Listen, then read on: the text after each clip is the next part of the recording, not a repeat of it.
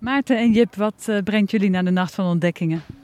Uh, dat is een date night. Wij zijn uh, hier samen op een date night. En we dachten, we gaan eens wat anders doen dan naar de film of een, een avondje uit naar de kroeg. En het bevalt heel goed. Het is echt fantastisch. Echt, Het is een romantische avond uit. Dat tot nu toe wel, ja. Nee, zeker. Hartstikke gezellig. Dus... En wiens idee was het? van Jip. Ja, ik, uh, ik werd voor een keuze gesteld van of uh, we gaan donderdagavond wat doen of ik heb zaterdagavond een verrassing. En uh, nou, ik heb voor zaterdag gekozen. En hoe is het tot nu toe? Ja, erg gezellig. Erg leuk. Verrassend. Um, ja, heel blij verrast eigenlijk. Dus gewoon zo'n lezing doen en dan zien we wel wat de avond brengt. En al iets gezien wat je echt zegt, oh dat moet iedereen zien?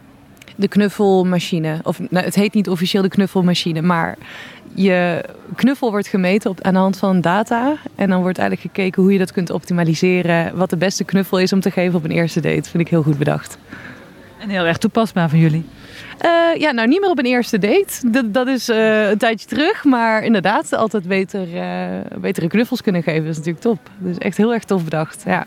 En graag proefkonijn. Dank jullie wel.